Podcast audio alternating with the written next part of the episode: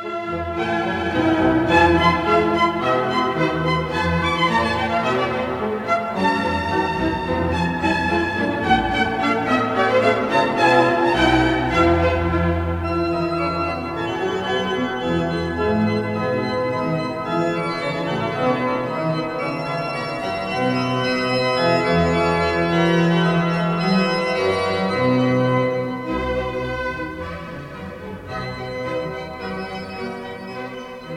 Op weg naar het licht.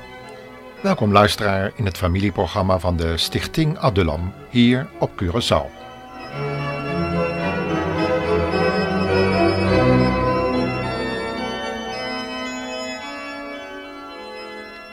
Het thema van onze uitzending vandaag heet Bedrieglijke vriendschap. Beste luisteraar, heeft u wel eens nagedacht over de kentekenen van de eindtijd waarover Jezus sprak. Het zal u niet ontgaan zijn dat het nieuws over de radio en de televisie, de krantenberichten en de dagelijkse gesprekken dikwijls allemaal de toenemende criminaliteit bespreken. Maar is het u niet opgevallen hoeveel vriendschappen er stuk gaan en hoeveel huwelijken worden ontbonden? Hoe er steeds meer kritiek komt op het overheidsbeleid en de wandel van de regeringsleiders zelf?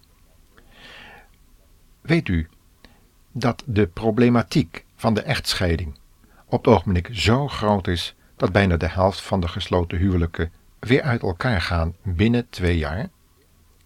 Dat er ook binnen de huwelijkssfeer en ook in het bedrijfsleven grote sprake van bedrog, chantage en liefdeloosheid is? En dat de gewone gemiddelde burger dikwijls in dezelfde dingen verwikkeld is als zij die de leiding zouden moeten hebben? In deze uitzending willen we het licht van Gods Woord op al deze zogenaamde eindtijdproblematiek laten werpen. Want Gods Woord is nog steeds een licht op ons pad en een lamp voor onze voet.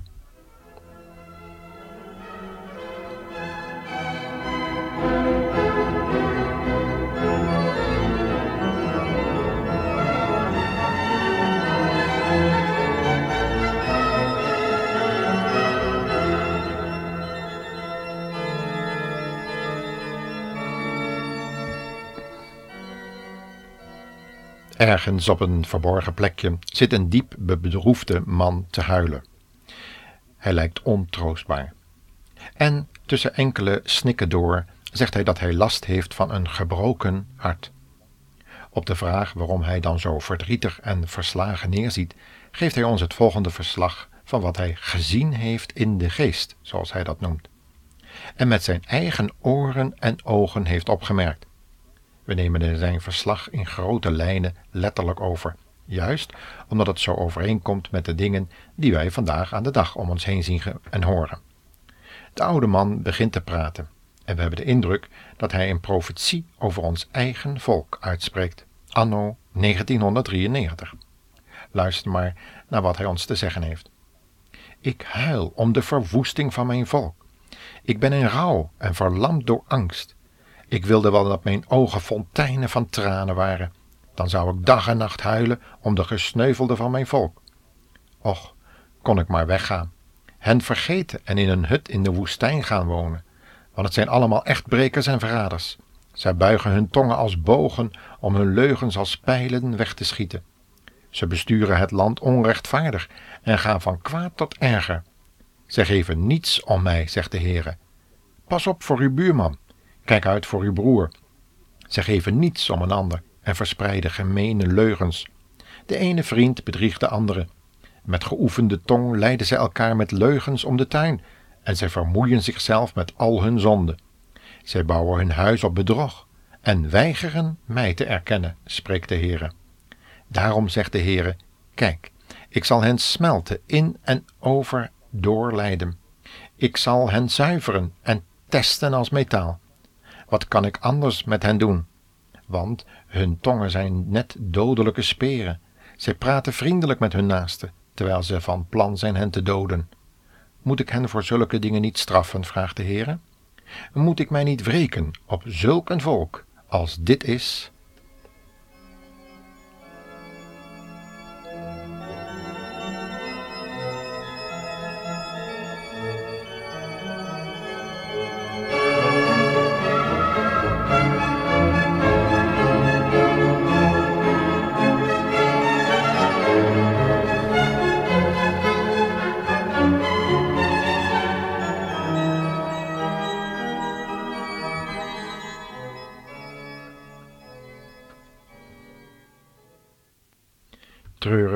De profeet, want dat is het, om zich heen en maakt zijn naam bekend. Het is de ons bekende profeet Jeremia, die leefde in de tijd dat zowel Israël als Juda op een geweldig dieptepunt van hun geschiedenis waren gekomen en door de Babylonische legers overvallen waren, terwijl grote groepen volksleiders, edelen en notabelen naar het buitenland waren gedeporteerd of geliquideerd. Jeremia had hetzelfde meegemaakt wat zoveel nu meemaken. Verraden door volksgenoten, vrienden en familie was hij eenzaam geworden en ontmoedigd. Zelfs de geestelijken uit zijn familie, die toch beter hadden kunnen weten, hadden hem het leven zuur gemaakt en stonden hem zelfs naar het leven.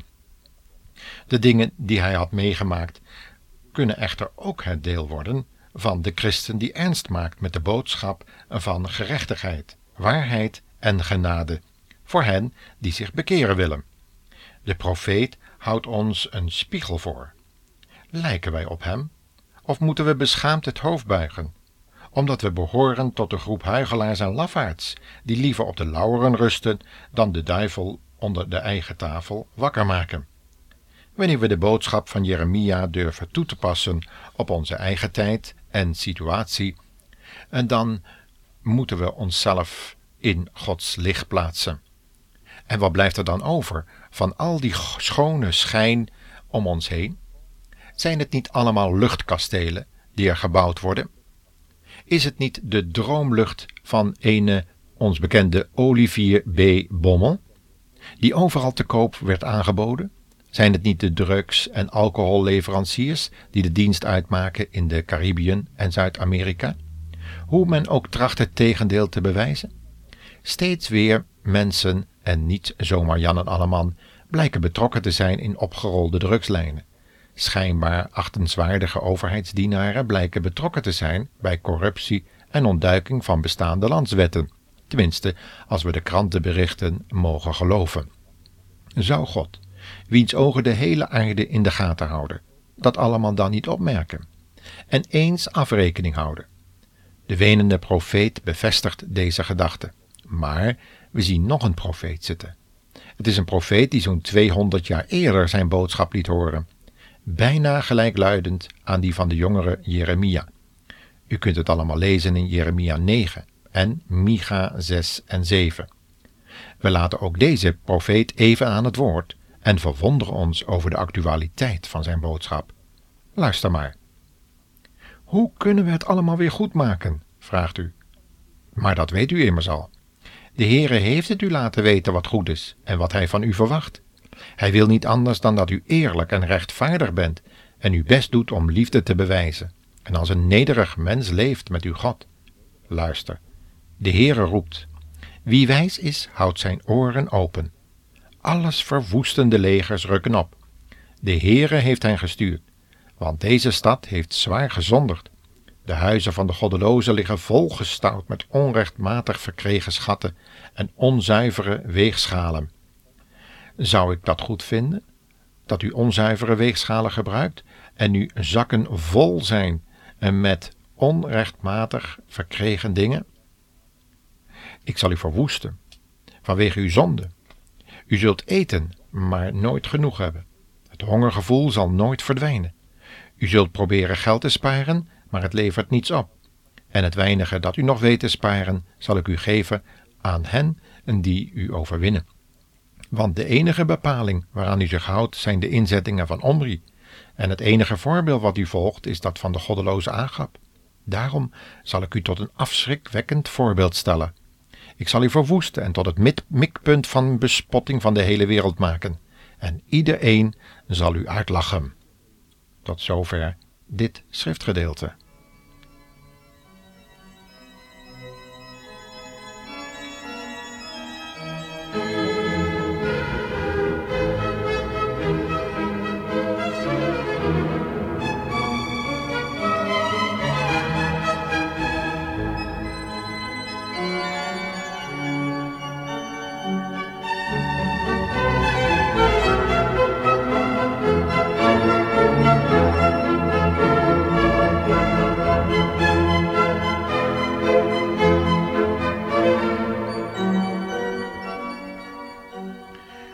Waren krasse woorden, luisteraar, door een moedig maar verdrietig man uitgesproken. Vaak moesten deze mensen hun boodschap met de dood of ballingschap bekopen. Maar niets kon hen hinderen het woord van de Heere God uit te spreken. En op het moment dat ik dit overdenk, zie ik dat menige christen in de toekomst wel eens hetzelfde lot zou kunnen ontvangen als deze beproefde mannen van God. Hebt u lijden, gevangenschap en ontbering ervoor over, luisteraar, om uw God te dienen en de waarheid uit te spreken? Maar Micha had nog een andere boodschap voor mijn luisteraar, die van hoop.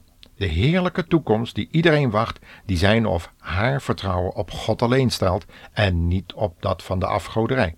Broa, Winti of witte magie. Want dat waren de inzettingen van Omri en de bezigheden van Agab en zijn vrouw Izebel, de tovenares.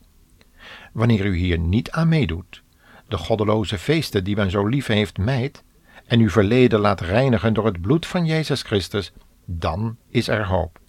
Hoewel Micha dezelfde boodschap als Jeremia heeft over bedrieglijke vriendschap, en zelfs waarschuwt voor de vrouw die in uw schoot ligt, zoals Simpson dat heeft ervaren, geeft hij toch een moedgevende gedachte door, en die wil ik mijn luisteraar niet onthouden.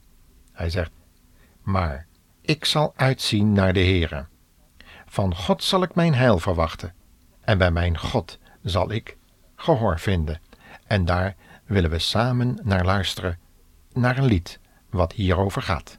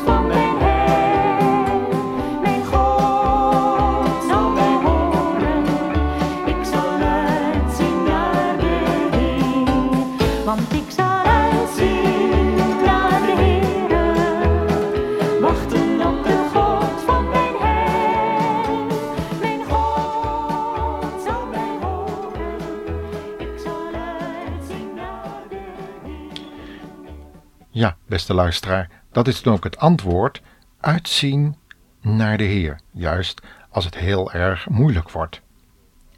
Maar deze profeet zegt nog iets. Hij zegt: Wees maar niet blij over mij, mijn tegenstandster, want hoewel ik ben gevallen, zal ik toch weer opstaan. Al zit ik in het donker, de Heere zal voor mij een licht zijn. Ik zal de straf van de Heere geduldig dragen, want ik heb tegen hem gezondigd. Uiteindelijk zal hij mij verdedigen tegenover mijn vijanden en mij recht verschaffen. Hij zal mij van het donker naar het licht brengen en ik zal zien hoe hij een rechtvaardig oordeel uitspreekt.